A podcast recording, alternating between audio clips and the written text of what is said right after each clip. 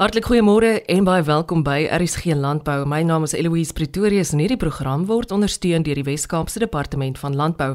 4 jaar gelede het die span by Boland Wynkellers besluit om 'n nuwe volhoubaarheidsprojek van stapel te stuur. Gevolglik is daar koppe bymekaar gesit met plaaslike omgewingsbewaringkenners.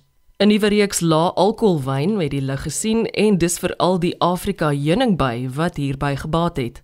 Anine de Tooi is nasionale verkoops- en bemarkingsbestuurder by Boland Kellers. En ons het nou 'n bietjie navorsing gaan doen en toe was dit nou skrikwekkend wat met die bye aan die gebeur is en en die getalle en die syfers en dit was onmiddellik op die tafel van weet dit is waar ons bydra moet wees. En ons het toe nou 'n bietjie uitgereik na organisasies en Eve het oor ons pad gekom van die Bee Effect. En ons het toe die Boland Trees for Bees gestig. Dit is nou is nou al 4 jaar oud. En tesame met die loods van die fonds het ons toe besluit maar daar moet 'n wyn saam met dit gaan. En ons het toe 'n bietjie gaan soek en ons het toe op 'n naam afgekom, is 'n Griekse naam vir Goddess of the Honey Bee, dis Melita.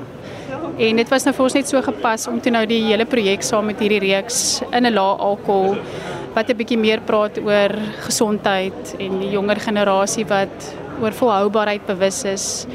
Ehm um, en ons het toe hierdie wyn in 'n Chenin Blanc en 'n Pinotage geloods saam met die Boland Trees Fobies projek. Ja, en oor tyd het dit gegroei. Ons het donateurs begin soek vir ons fonds. Pink Lady het aan boord gekom. So op hierdie stadium is ons nou so ampertjies 4 jaar aan die gang en ons het so net onder die 4000 bome geplant in die platbos area. So mense probeer altyd 'n massiewe indruk maak, maar eintlik moet jy net klein begin. Jy weet, en uh, elke bietjie help en ons het gesê, weet ons wil in vennootskap gaan met die planeet en ons wil 'n verskil maak. En ons hele slagspreuk is collaboration. En dit is wat ons najaag om met vennote om ons saam te werk om dinge beter te maak. Dit is waar die hele projek begin het en is so energiek en is so lekker en dit is weet hoe meer ek oor dit leer, hoe opgewondener raak jy oor die hele oor die hele projek en ons het die die slagspreuk van we more than wine het ons aangeneem en dis 'n storie wat ons vertel. Weet ons is meer as net 'n wynkelder. Ehm um, ons maak goeie wyn ja, maar ons wil graag bome plant en ons wil graag 'n verskil maak en ons wil die boodskap daar uitkry daar buite by die verbruiker is is dit is wat ons doen. So ja, dit lê ons baie na aan die hart. Ons is intedeel die eerste Suid-Afrikaanse wynhandelsmerk wat begin het met die plant van bome vir bye spesifiek. Daar is bietjie ander assosiasies met wyn en en en bye, maar nie in hierdie tipe program wat ons het nie. So in samewerking met Greenpop. Greenpop is die organisasie wat die bome vir ons plant. So die befondsing wat ons kry gaan dan nou natuurlik alles na Greenpop. Hulle bestuur die bome se plant en die hele proses daarvan. Ons is nou besig in die platbos area buite Gaansbaai. Dit is waar al ons bome geplant is. So hulle doen 'n geweldige werk, Misha en hulle span en ons het 'n doelwit om saam met hulle teen 2025 36000 bome te plant. So hulle maak natuurlik nou gebruik van kwekerye, plaaslike kwekerye vir die bome ensovoorts. So ja, hulle doen 'n ongelooflike werk. Ek dink sonder bye en bome eh, kan ons mense om nie bestaan nie, nê. Nee, en ehm um, so ongelooflike waarde wat hulle toevoeg in ons voedselketting. Elke keer as ek weer werk met hierdie projek, dan besef ek net weer die belangrikheid van ons bye en ehm um, hoe ons regtig daarna moet streef om hulle te beskerm en hoeveel van ons weet voedselproduksie is afhanklik van die Suid-Afrikaanse heuningby.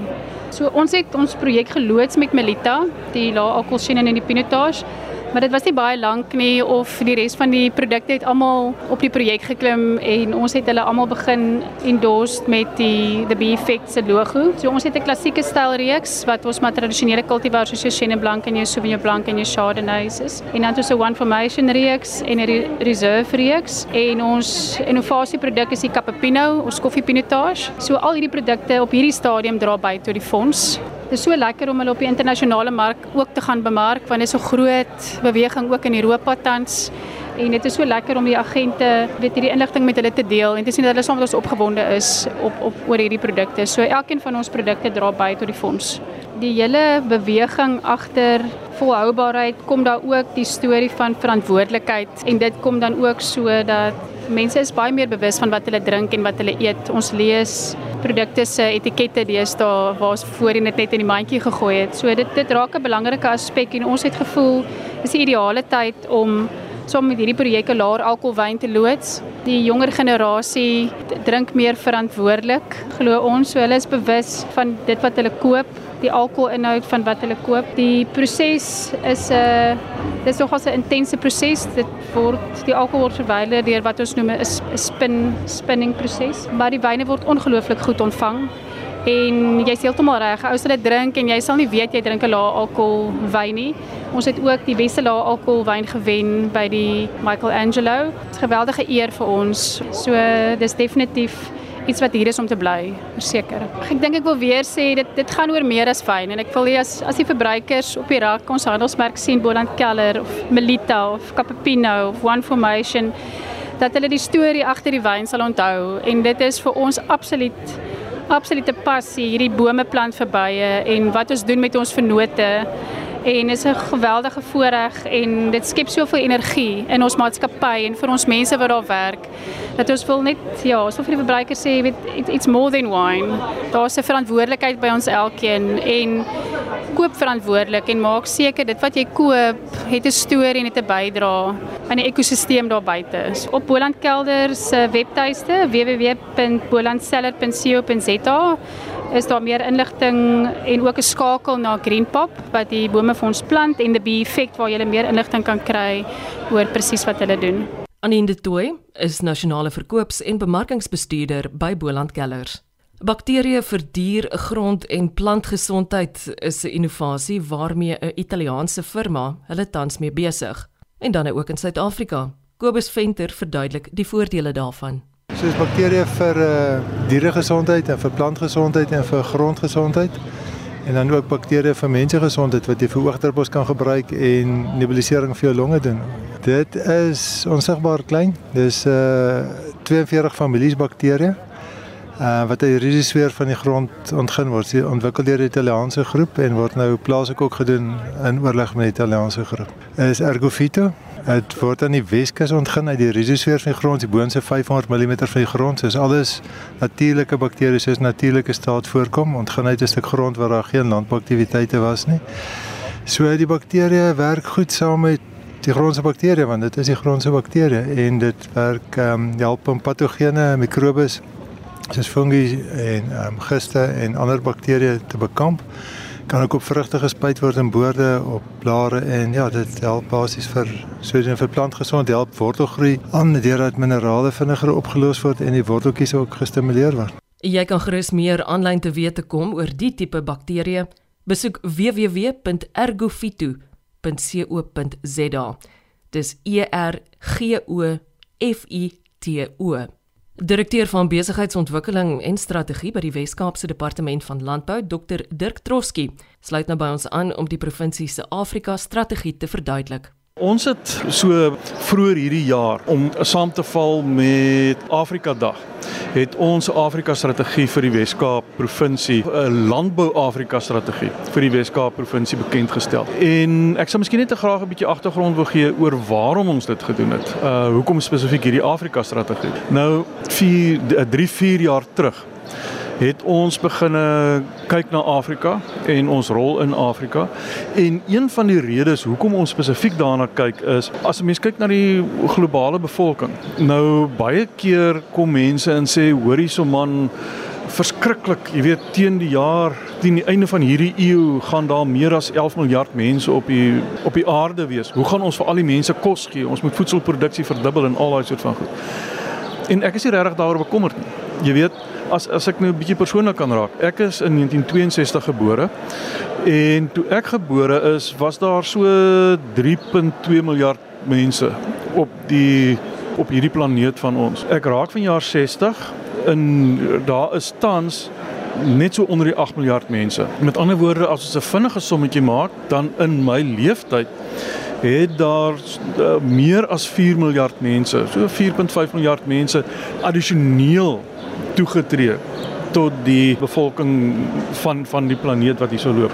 En in hierdie tyd het ons daarin geslaag om die honger gedeel die dit was een julle kan onthou dis een van die Millennium Development Goals was to halve hunger by 2015.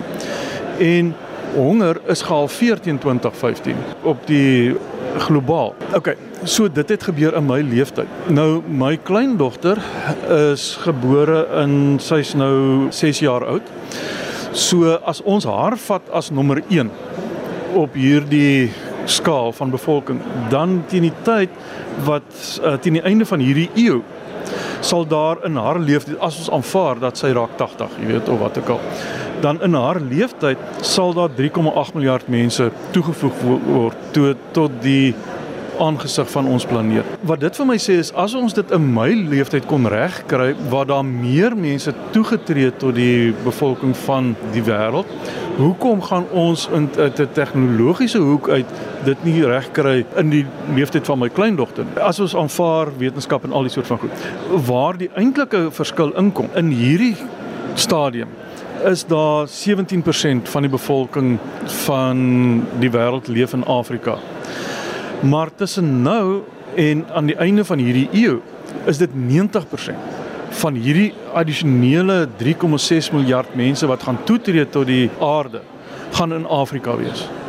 En die vraag is hoe voed ons dit? Hoe voed ons hierdie mense in Afrika?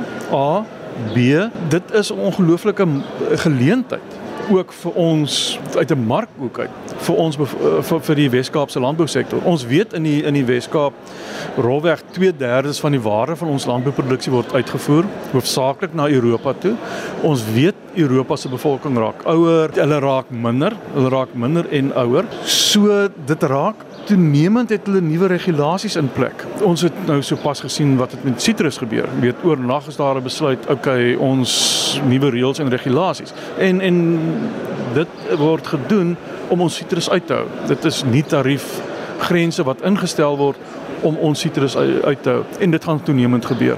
Maar die vinnig groeiende bevolking is in Afrika en ook waar jou vinnig groeiende ekonomie is, is ook in Afrika. Jy weet van jou vinnigste groei in die ekonomie is in Afrika want ons weet dat sonder dat jy uh as jy 'n behoefte het, maar jy het nie die vermoë om te koop nie, dan het jy nie 'n mark nie, jy het net 'n behoefte. Maar jou vinnig groeiende ekonomie is is ook in Afrika. So aan die een kant het ons 'n verantwoordelikheid om betrokke te raak, maar aan die ander kant is dit ook waar die markontwikkeling gaan wees. OK. So dit is hoekom ons so tyd terug begin vra vra rondom Afrika moet ons nie 'n gesamentlike strategie in in Afrika nie. Dis die een rede. Die ander rede is en ons het al hieroor gesels is dat toe ons so 'n paar maande in COVID-19 in is, het ons gevra maar hoe gaan COVID-19 ons langtermyn toekoms beïnvloed? Wat ons ook gesê het is dat COVID-19 was so dramaties geweest dat ons in die toekoms gaan praat van 'n voor en na COVID-19 periode want nog nooit in die geskiedenis van die huidige bevolking van die wêreld was daar wêreldwyd so 'n traumatiese ervaring vir so 'n groot hoeveelheid mense. En ons gaan praat waarskynlik in die toekoms van voor en na COVID soos wat ons in Suid-Afrika praat van voor of na die Anglo-Boereoorlog of voor of na 1994. Maar wat ons ook dan nou gesê het is daar gaan terugkeer na normaal, maar dit gaan 'n grens wees. So hoe gaan die 30 jaar toekoms van die Wes-Kaapse landbousektor anders lyk? So ons het toe saam met Tanya Hickert van Hickert en Vennote wat op toekomsstudies spesialiseer, het ons so deur so 'n oefening gegaan. En in die proses is daar 'n paar kritiese temas is geïdentifiseer wat ons toekoms gaan beïnvloed. En daai kritiese temas is dan nou die 4de industriële revolusie. Die tweede is die staatskapasiteit klimaatsverandering, biodiversiteitsverlies, daai soort van goed is geïdentifiseer as faktore wat ons toekoms gaan beïnvloed. Maar wat ons nou ook gegaan het is om te sê is so wat is die kritiese punte waar ons as 'n provinsie 'n verskil kan maak? En en ek het die een hand reël. Jy weet, moenie na my toe kom met 100 goed wat ons moet doen nie. Ek wil weet wat is die 5 belangrikste goed waarop ons moet fokus. Want as jy te veel goed het, dan raak dit net weg en goed verdwyn. Ek wil hê ons moet op 5 goed fokus. Wat daai 5 goed dan nou is wat hier uitgekom het, is die eerste is om te sê is ondersteun Afrika as 'n middelklasmark. So sonder dat dit die doel was, het dit wat ons al oor 'n tyd nou gelede begin dink het, het toe weer na vore gekom. Die tweede is om die vierde industriële revolusie te demokratiseer en te omarm basies. Die derde is klimaatsverandering uh om dit te hanteer. Die vierde is op ons fokus op landbouopleiding en kennisoordraging. Met ander woorde deur die college soos Elsenburg College ons voorligtingdiens en daarop te fokus. En die die die vyfde ene is om die Engelse woord is om anticipatory governance, toekomsverwagtende besluitneming om om dit in, in plek te hê. So met met ander woorde wat wat dit beteken is hoe ons dan van ons kant kant as af as provinsiale departement van landbou nie op korttermyn reageer nie, maar om die langtermyn fokus te hê. Dit is dan hoe wat daar uitkom. So aan die hand hiervan het ons toe nou gesê maar luister, kom ons kyk dan nou wat behoort ons dan nou te doen om nou uh, Afrika as 'n middelklas mark te ondersteun. So ons het toe nou op tender uitgegaan en ons het 'n OABS maatskappy wat wat dan nou saam met die Universiteit van Stellenbosch se departement landbouekonomie van hulle lede was het 'n konsortium gevorm en die studie vir ons gedoen en soos ek sê 27 Mei is is dit toe nou uh, bekend gestel en wat ons vir hulle gesê het is ons ons wil antwoorde op vier vrae. Die eerste vraag is wat moet ons doen om landbougroei, landbouekonomiese groei op die kontinent van Afrika en in die Wes-Kaap te bevorder. En en dit is belangrik dit is vir ons nie net selfsugtig nie. Gegeewe waar ons is as deel van land van van Afrika is dit vir ons belangrik dat dit nie net ons landbouekonomie is wat moet groei nie maar ook Afrika se landbouekonomie wat wat moet groei. Die tweede vraag weer eens dieselfde Afrika en Weskaap. Hoe kan ons landbou in diensname bevorder? Die derde vraag is voedselsekuriteit in Afrika en in die in die Weskaap. Dan die vierde vraag was die veerkragtigheid van handel en besigheidsverhoudinge in die Weskaap en in Afrika. Hoe ondersteun ons dit? Hoe groei ons dit? En volgende Vrydagoggend sit ons die gesprek voort om die toekomsvoordele van die Wes-Kaapse Afrika strategie verder te bekyk. Deel gerus hierdie program met iemand nou jy dit maklik afgelaai het van www.elsenburg.com. Onthou ook om môre om kwart voor 12 weer bym aan te sluit vir RSG Landbou. Ek is Eloise Pretorius en ek wens jou alle sukses vir hierdie Vrydag wat voorlê. Totsiens.